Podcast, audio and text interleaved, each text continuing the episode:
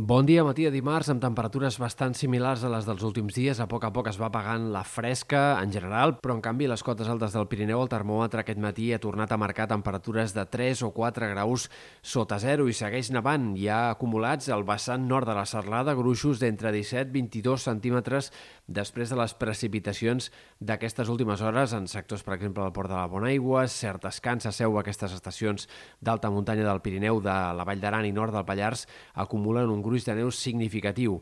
Esperem que avui encara segueixin nevant en aquests sectors, tot i que tendirà a fer-ho cada cop amb menys intensitat. A la resta, predomini del sol més que no pas dels núvols, però compta a la tarda amb la possibilitat de nous ruixats aïllats puntuals, precipitacions de poca estona i poc abundants que poden afectar sectors de la Catalunya central, però també àmbits com el Vallès, el Maresme, fins i tot al voltant de Barcelona o a la Selva pot ploure al llarg de la tarda, encara que siguin, insistim, precipitacions més aviat poc significatives.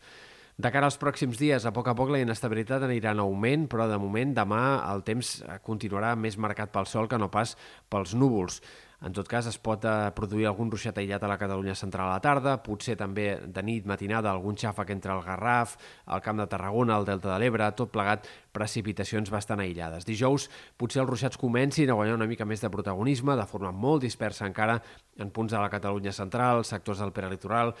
punts del Prepirineu,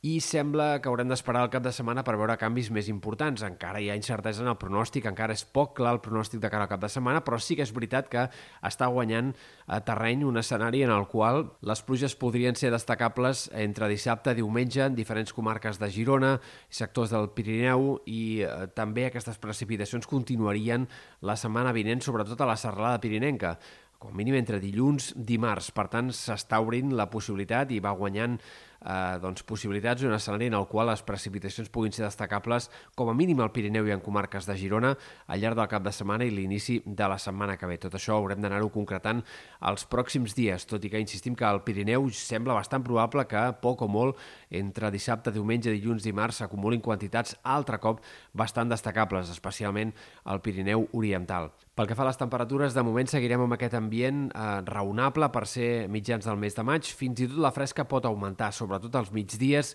si com sembla els núvols van en augment els pròxims dies, doncs podríem tenir altre cop alguns migdies amb temperatures més de finals d'abril que de maig, com va passar al cap de setmana passat. De moment, poques perspectives que la calor intensa torni en aquest tram final del mes de maig i, per tant, les temperatures que sí que vam tenir a principis de mes sembla que potser no tornarien fins al juny, com a mínim.